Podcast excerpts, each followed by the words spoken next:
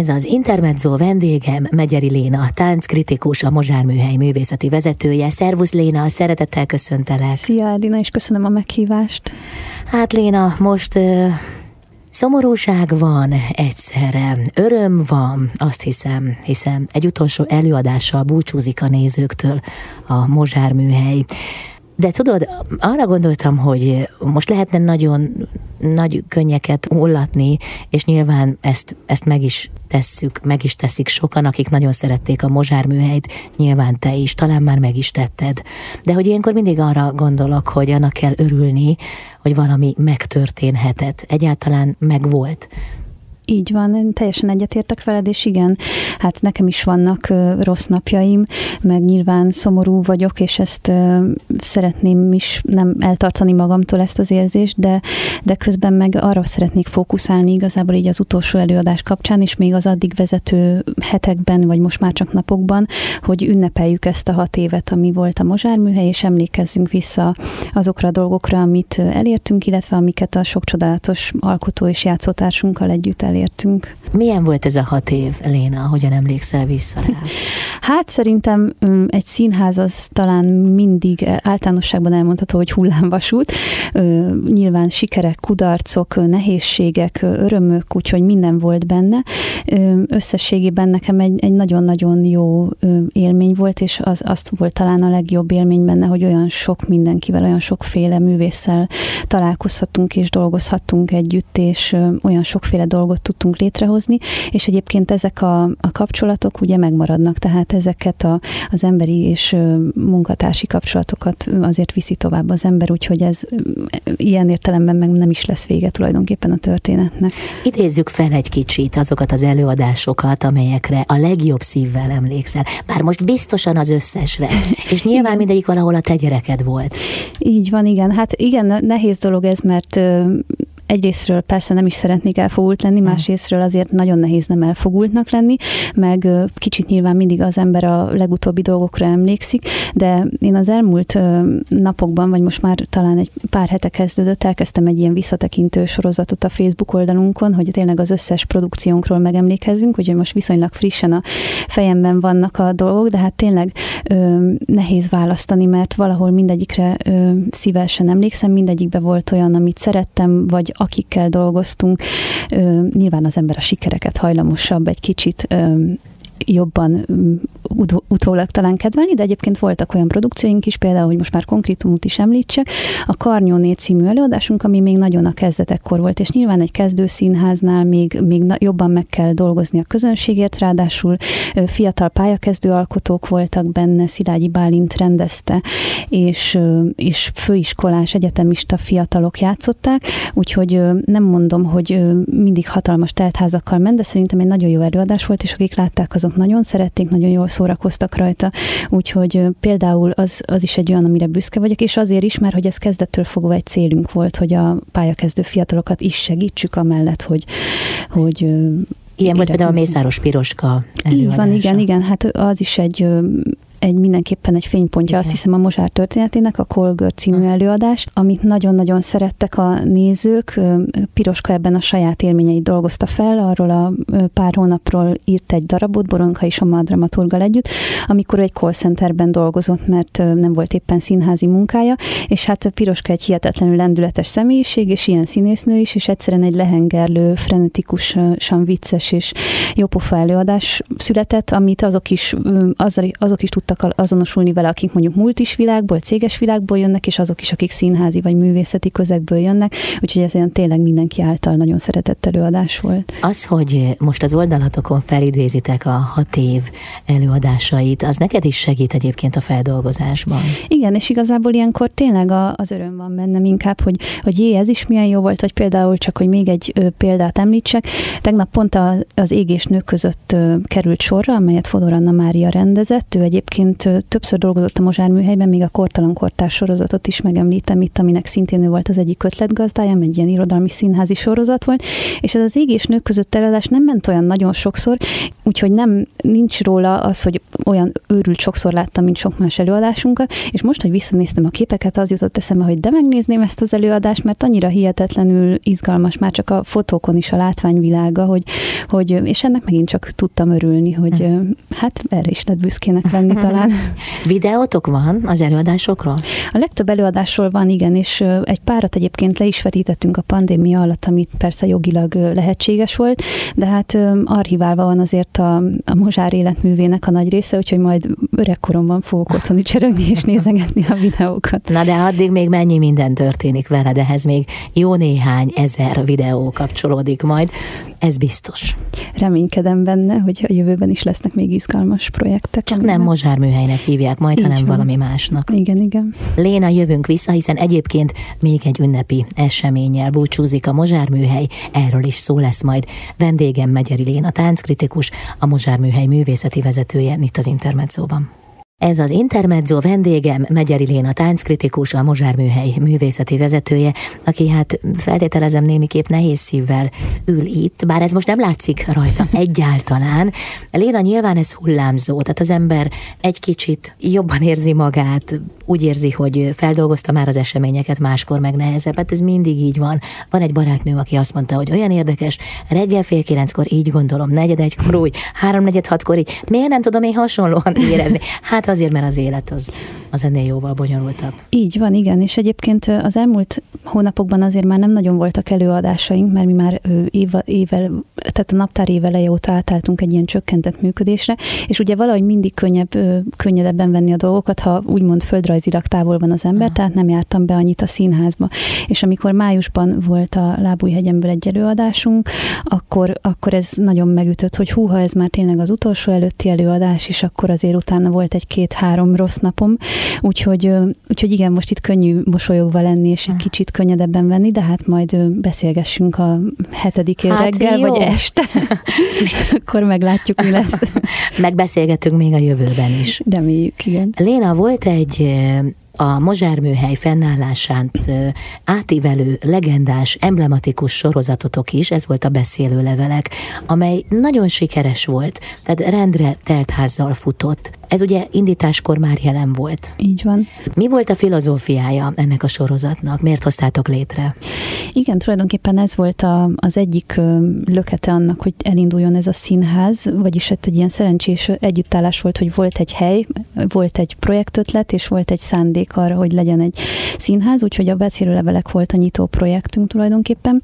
Ez egy angliai ö, hasonló előadás sorozatnak tulajdonképpen a magyarországi adaptációja, az angol sorozatnak Letters Live a címe, és igazából nagyon egyszerű a koncepciója, arról szól, hogy különböző művészek, hírességek, politikusok, mit mondjak még, hát igen, hírességeknek a leveleit olvassák fel. Költők, Költők írók. írók, hogy ne festők, mindenféle, vagy akár csak volt olyan is, hogy hétköznapi emberek, de valamiért izgalmas leveleit olvassák fel színészek, ami tulajdonképpen egy egyrésztről ismeretterjesztő, de másrésztről szórakoztató műsornak készült, úgyhogy, úgyhogy nagyon sok levél volt olyan, ami humoros volt, és jól lehetett rajta szórakozni, de azért mindig kerültek a műsorba olyanok is, amik elgondolkodtatók voltak, meghatóak voltak, vagy akár megdöbbentőek, megrendítőek voltak. És Sokat a... dolgoztál ezen? Így van, igen, én voltam a műsornak a szerkesztője, és minden, ez egy havi, aztán később két havi rendszerességű műsor volt, és minden alkalomra új leveleket kerestem, kutattam én, és ez számomra is egy nagyon izgalmas munka volt, és remélem, hogy ezt a nézőknek is át tudtam valamennyire adni, mert, mert rengeteg ismert embert ismertem meg egy teljesen új oldaláról. Ugye teljesen más valakinek a munkáit megismerni, vagy amikor egy személyes levelébe nyerünk be pillantást. Sokszor egészen másképp rajzolódik ki. Így van, igen, úgyhogy azért én mindenkinek javaslom, hogy olvasgasson leveleket, mert, mert tényleg olyan dolgokat lehet, vagy egy egészen más képet lehet kapni. Amúgy olyan ikonokról, kulturális ikonokról, akikről azt hiszük, hogy van egy kialakult képünk. Aztán kiderül, hogy mégsem. Így van. Vagy nem egészen úgy van. Vagy semmi sincs úgy, vagy minden másképp van, igen. ahogy Karinti igen, mondta. Igen. Léna, Ugye ez hat évet ölelt fel a beszélőlevelek. Esetleg ott van-e az agyat hátsó zugában, hogy ezt a projektet a későbbiek során még valahol máshol, más formában megvalósítod? Abszolút igen, mert ez egy tényleg nagyon könnyen adaptálható előadás, gyakorlatilag bárhol elő lehet adni, hiszen nincsen semmi technikai igénye, csak néhány színész kell hozzá, esetleg egy zenész, mert mindig volt zenész vendégünk is az előadásban, és vendégeskedett is ez a projekt egyébként több helyen, a Zsidó Kulturális Fesztiválon, Kapolcson, a Művészetek Völgyében, vagy a Várkert Bazárban, úgyhogy van, van már ennek egy ilyen előzménye, és én abszolút örülnék neki, hogyha lehetne még a jövőben, mert ez egy minden, mindenhol megvalósítható, és azt hiszem, hogy minden korban aktuális előadás, és hát tényleg szerették a nézők, uh-huh. úgyhogy sokan mondták, amikor egyébként ezt is most le kellett vennünk műsorról, hogy sajnálják, és remélik, hogy lesz még, úgyhogy igazából vannak, akik várják, hogy legyen uh-huh. még. Uh-huh. Léna, a Mozsár műhely különleges atmoszférája, intim tere, az, az mennyire hiányzik majd neked, hogy te ezt már úgy képes vagy belőni, hogy hogy állsz majd ezzel, amikor majd nem lesz már hova menni, dolgozni? Igen. Hát biztos, hogy hiányozni fog, és tényleg, ha csak arra gondol az ember, hogy, hogy nem tudom, egy lakást is milyen nehéz Aha. elhagyni, ahol sokáig lakott az ember, vagy sok időt töltött az ember, szóval tényleg helyek is tudnak hiányozni az embernek, és hát mindaz az élmény, ami, ami ott ért, a, a izgatott várakozás az előadásokra, az, nekem mindig az volt a kedvencem igazából, amikor még az az előadás elő előtti izgalom, amikor már jönnek a nézők, és tényleg nem tudjuk még, hogy hogy fog sikerülni az előadás, izgulunk, és akkor hát megtörténik a csoda utána, mert hát talán lehet így nevezni egy színházi előadást. Hát igen. Léna, köszönöm szépen, jövünk vissza, folytatjuk a beszélgetést. Köszönöm. Itt az Intermedzóban Megyeri Léna tánckritikussal, a Mozsár Műhely művészeti vezetőjével. Ez az Intermezzo vendégem, Megyeri Léna tánckritikus, a Mozsár Műhely művészeti vezetője. Hat évet élt meg a Mozsár Műhelyet, nyilván többet terveztél, Léna. Terveztél egyáltalán? Gondoltál erre, hogy meddig lesz?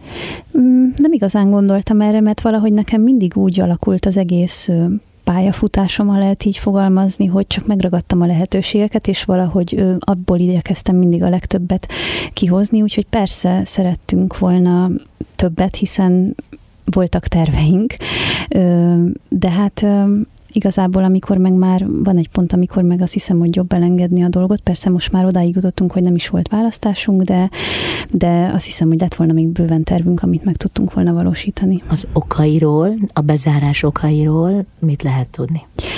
Hát igazából ennek kizárólag anyagi okai voltak, ugye azért azt ö, talán nem árulok el nagy meglepetést, hogy a kultúrában és különösen a független színházi területen nagyon ö, nehéz körülmények között dolgozik a legtöbb társulat és befogadóhely, amíg ö, az első három évünkben mi is a TAO, az úgynevezett TAO támogatásból, a társasági adókedvezményes támogatásból éltünk, és aztán amikor az megszűnt, akkortól kezdtünk el állami pályázatokra pályázni, ahol különböző okokból nagyon minimális támogatásokat nyertünk el, úgyhogy egyszerűen nem tudtunk igazából egy stabil és nagyon tervezett és átgondolt működést létrehozni, hanem egyik napról a másikra kellett élnünk, és aztán ugye ezt még megnehezítette a pandémiás két év, az, hogy a pandémia után meg nagyon nehezen találtak vissza, vagy talán ez még a mai napig is bőven tart, hogy nehezen találnak vissza nézők a színházba, különösen a kisebb színházakba, úgyhogy egyszerűen feléltük a tartalékainkat. Talán a közönségetekhez már eljutott a hamarosan bekövetkező zárás híre. Milyen visszajelzéseket kaptatok? Hát ez nagyon jól esett, hogy tényleg sok, sok visszajelzést kaptunk arról, hogy mennyire sajnálják, és vannak olyan nézőink, akik tényleg törzsnézők voltak, és, és nagyon sok előadáson ott voltak, és ők mondták, hogy természetesen jönnek az utolsó előadásra, úgyhogy ennek nagyon örülök, hogy velük, velük együtt tudunk majd ünnepelni, mert én itt így szeretném most felfogni, hogy ünnepelni fogunk, igen. és, és azoktól a művészektől is, akikkel együtt dolgoztunk, sok olyan visszajelzés érkezett, hogy mennyire sajnálják, és hogy, hogy azt gondolják, hogy ez egy olyan hely, ami egyébként fontos volt, és nehéz lesz pótolni. Nem szeretnék most szerint ennek tudni, tehát én azt gondolom, hogy minden hasonló helyre szükség van, hiszen nagyon sok tehetséges művész küzd azzal, hogy nincsen, nincsen hely esetleg megmutatkozni, úgyhogy, de én is azt gondolom, hogy ezért volt fontos, mert sok művésznek tudtunk lehetőséget biztosítani. Hmm. Hát most sajnos egy alkotói térrel kevesebb lesz. Léna, a Mozsár műhely egy viszonylag kis befogadó számú színház volt, de valóban rendkívül intim hangulata volt, és a fekete szín jellemezte. Mit gondolsz, hogy milyen előadások élnek meg egy ilyen térben, hiszen ez nagyon fontos, a tér és, és maga az alkotás, ami kapcsolódik egymáshoz. Igen. Hát nem véletlen, hogy olyan előadásaink voltak, ami leginkább egy-két-három fős szereplő gárdával jöttek létre, szóval tényleg abszolút az intimitás hm. jellemezte a repertoárunkat, és ebben nyilván egyrésztről a térnek az adottságai benne vannak, de lehet, hogy egy picikét az én preferenciám is benne van, ugyanis én nagyon szeretem az ilyen intim közelségű színházakat, tehát ahol tényleg közel lehet lenni a, a színészekhez, az alkotókhoz, mm, és egyébként azért, ahogy mondod, hogy a fekete az jellemző volt, de azért olyan szempontból egy különleges tér volt ez, hogy nem egy klasszikus black box színház, azért ott van, vannak utcára néző ablakok, amiket ha kellett, akkor persze teljesen le tudtunk fedni, de volt olyan alkotó is, aki például azt mondta, hogy ő szeretné, hogyha nyitva lennének a függönyök, és gyakorlatilag az, hogy kilátni az utcára, az valahogy így hozzátartozna a darabnak a szellemiségéhez. Aztán volt, aki kicsit félig a nézőtérre tervezte az előadást, szóval igazából mm, szerintem egy sok játék lehetőséget tartogató tér volt ez, és sokan ki is használták ezt. Uh-huh. Most bizonyára a visszatekintés időszakát éled, az emlékeket keresed elő, és osztod meg a nézőitekkel, de hogy érzed, hogy az, hogy egy befogadó hely közege kiket talál meg, milyen művészeket, milyen előadásokat, az vajon min múlik? Tehát akik például benneteket megkerestek, azok érezték azt, hogy nekik ott helyük van, vagy, vagy, vagy volt, hogy valakit vissza kellett utasítanod, mert másra számított. Szóval ez az egymásra találás, ez hogyan történik? Hát abszolút voltak sajnos visszautasítások, és ez egyébként nekem rosszul megy, mert nagyon a szívemre tudom ezeket venni, de az első pár évben egyébként mi nyílt pályázat alapján választottunk választottuk ki a produkcióinkat, és rengeteg remek ötletet kaptunk, de hát azért nyilván egy színházat, még ha befogadó helyről van is szó, akkor is valamilyen arculattal fel kell ruházni idővel. Nekünk volt egy motton kezdettől fogva, az volt, hogy színház újra gondolva, ami alatt igazából azt értettük, hogy persze nem akartuk most itt megreformálni az egész színházat, mert annyira nem gondoltuk különlegesnek magunkat, de hogy egy picit azért kitágítani a lehetőségeket, együttműködéseket létrehozni a különböző művészeti ágak között, kitágítani a, a kereteket, hogy mi az, ami tulajdonképpen belefér egy színházi térbe, vagy egy, a színházi előadás fogalmába. Talán a beszélőlevelek is egy picit olyan volt. Lehet, hogy van olyan, aki erre azt mondja, hogy nem színházna, de hát amikor egy színész felolvas egy szöveget, interpretálja azért, az akkor az mégiscsak színház valahol. És volt több ilyen projektünk, úgyhogy igazából azt hiszem, hogy egy idő után az alkotók is bátran kerestek meg minket ilyen különlegesebb ötletekkel, vagy mi mindig ezeket így preferáltuk, és hát a, a nézők is, akik ilyesmikre nyitottak voltak, ez volt az egyik vonal, talán a másik pedig, amit már említettünk, ez az intimitás, hogy aki erre nyitott, és azért ennek tényleg van egy, egy közönsége ennek a fajta színháznak, ők szívesen jöttek hozzánk. Hmm, köszönöm szépen, Léna. Nem sokára jövünk vissza, folytatjuk a beszélgetést Megyeri Léna tánckritikussal, a Mozsár Műhely művészeti vezetőjével itt az Intermedzóban. Ez az Intermezzo vendégem, Megyeri Léna tánckritikus, a Mozsár Műhely művészeti vezetője. Léna, amikor a színházat megnyitottátok hat évvel ezelőtt, akkor ugye az volt a mottótok, hogy színház újra gondolva. De mit értesz ez alatt? Hogyan definiáltátok az újragondolás fogalmát? Többféleképpen gondoltuk ezt. Az egyik az, ahogy mm, említettem korábban, hogy talán olyan műfajok, amik picit a színház határán vannak, ilyeneket beemelni a színházba. A másik az, amit korábban említettem például a karnyónét, hogy az egy abszolút klasszikus, ugye, de hogy egy olyan um, adaptációban került színpadra, ami nagyon-nagyon nem volt hagyományos. Úgyhogy igazából mindig valahogy a, a különlegeset kerestük. Ennyi volt a, talán a lényege. Kik voltak azok az emblematikus alkotók, színészek, akik megjelentek nálatok a színpadon? Most nyilván a teljesség igénye nélkül nem is gondolom, hogy most egy hosszas felsorolásba kezdenél, csak egyet-egyet említsünk igen, meg. Hát mindenképpen szeretném megemlíteni Hegedűs Dégézát, aki az utolsó néhány évadunknak a, az egyik legnépszerűbb produkcióját játszotta, hiszen ez egy monodráma volt. A Garcia Márqueznek a Bánatos kurváim emlékezete című ö, ö, kisregényének az adaptációját. Egyébként ez picit, ez is olyan darab volt, ami már a Covid-ot megszenvedte, tehát pont a Covid lezárások előtt mutattuk be, de azért utána is, amikor újra tudtuk játszani, akkor nagyon népszerű volt. Ami szintén most nyilván az utolsó produk, vagy legutóbbi produkcióink jutnak eszembe.